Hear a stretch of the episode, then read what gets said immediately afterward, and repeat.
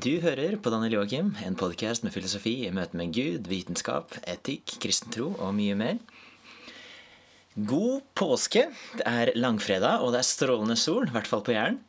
Så jeg tenkte å bruke den anledningen bare til å spille inn en kort episode. Dette er en liten påsketekst som var på trykk i VG eh, på tirsdag, tirsdag 27. mars, eh, og som jeg tenker er veldig relevant for de dagene som vi nå er inne i. Så hvis du ønsker å ha den skriftlig, så kan du se en litt kortere versjon på VG sine nettsider, eller så kan du gå på danieljoakim.org for å lese hele versjonen som jeg nå skal lese. Så overskriften på den er 'Skal sannheten gjøre deg fri'? For vi liker jo å tenke at sannhet gjør fri, men kan det være at det er påskebudskapet som faktisk gjør det mulig å tenke det?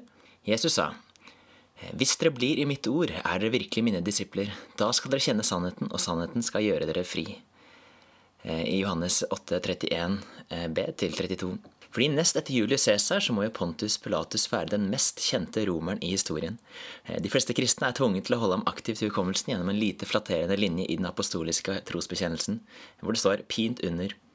Pilatus er mannen som kjemper mellom egen samvittighet og politisk press om å korsfeste en tilsynelatende harmløs mann.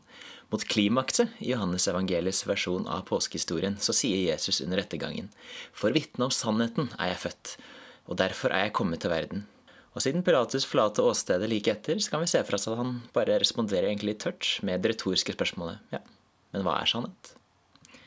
Og svaret er tydeligvis ikke så viktig for Pilatus, fordi historien vil ha det til at han lar politiske hensyn vinne og sende Jesus til korset. Nesten 2000 år etter så virker det fremdeles å være en forestilling i vårt kollektive tankesett til å være at sannhet gjør fri. For det setter oss fri til å leve et liv uten vrangforestillinger, til å leve i henhold til noe som er ekte. Sannhet synes å ha en sterk iboende verdi. Den er et slags mål i seg selv. Men når vi forlater den kristne virkelighetsforståelsen bak mye av dette tankesettet, så virker det ikke like opplagt hvorfor det skal være sånn.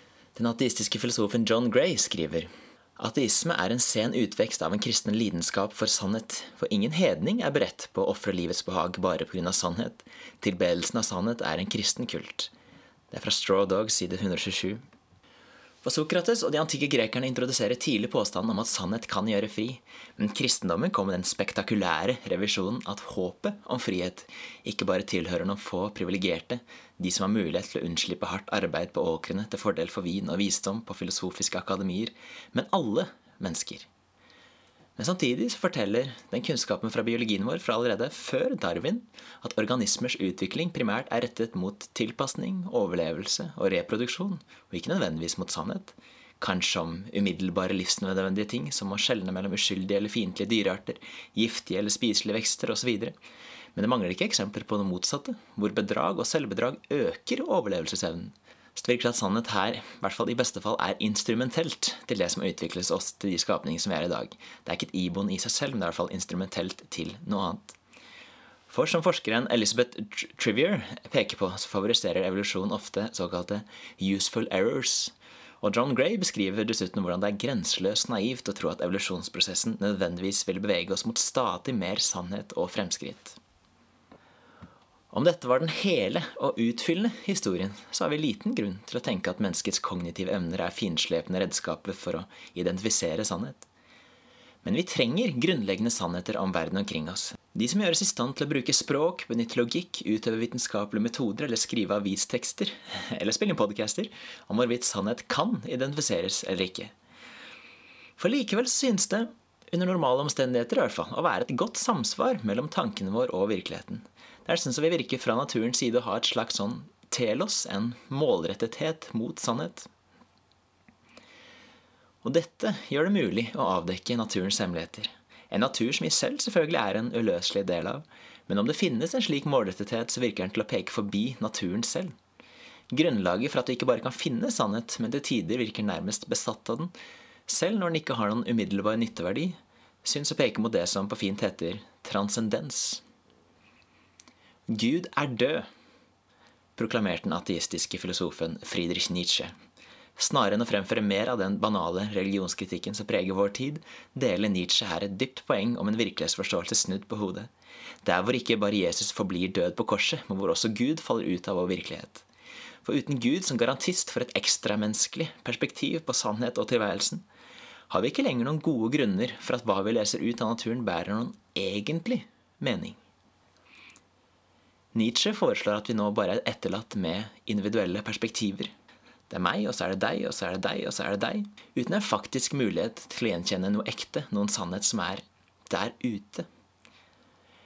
Men kristne trenger ikke akseptere de foreslåtte følgene som Nietzsche ser. For det å tro at vi er opphavet til sannhet fra vårt eget perspektiv, det krever en radikal fornektelse av det påtrengende vitnesbyrdet til virkeligheten omkring oss. Filosofen Martin Heidegger beskriver dette trekket som den virkelig gudløse vantroen, nemlig å redusere sannhet til hva vi kan konstruere, helt alene. I motsetning til dette har det kristne perspektiv en garanti for at sannhet finnes og er et mål i seg selv. Det gir oss grunnlaget for å tenke at sannhet eksisterer utenfor individet, fordi sannheten er å identifisere med skaperens perspektiv, der sannheten i skaperverket reflekterer skaperen selv. Og selv om det ikke uten videre er lett å oppdage denne, kan vi i hvert fall nå garantere at sannhet faktisk finnes. Vi kan nå anstrenge oss for å finne den, enten vi snakker om vitenskap eller om hverdagslivet. Det å elske sannhet, det er å elske Gud, for de to opererer alltid sammen.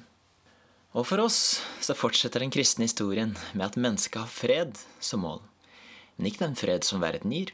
Kirkefaderen Augustin utdyper. Han skrev Du har skapt oss til deg, Gud, og vårt hjerte er urolig inntil det finner hvile i deg. Påskefortellingen forteller om hvordan vi løsrives til frihet når vi ser forbi det uviktige og foranderlige, og gjenkjenner det ekte og uforanderlige, og kan styre livene våre etter det. Påskens høydepunkt forteller at den frigjørende sannheten legemliggjøres i en person, tar bolig blant oss, lever med oss, lider med oss, dør med oss og gjenoppstår med oss. Friheten er ikke lenger begrenset av akademiet, men finnes i et liv i imitasjon, i etterfølgelse. Jesus sier, 'Jeg er veien, sannheten og livet', og ingen kommer til Far uten ved meg. Johannes 14, 14,6. Kanskje sannheten kan gjøre deg fri. Solen står over havet.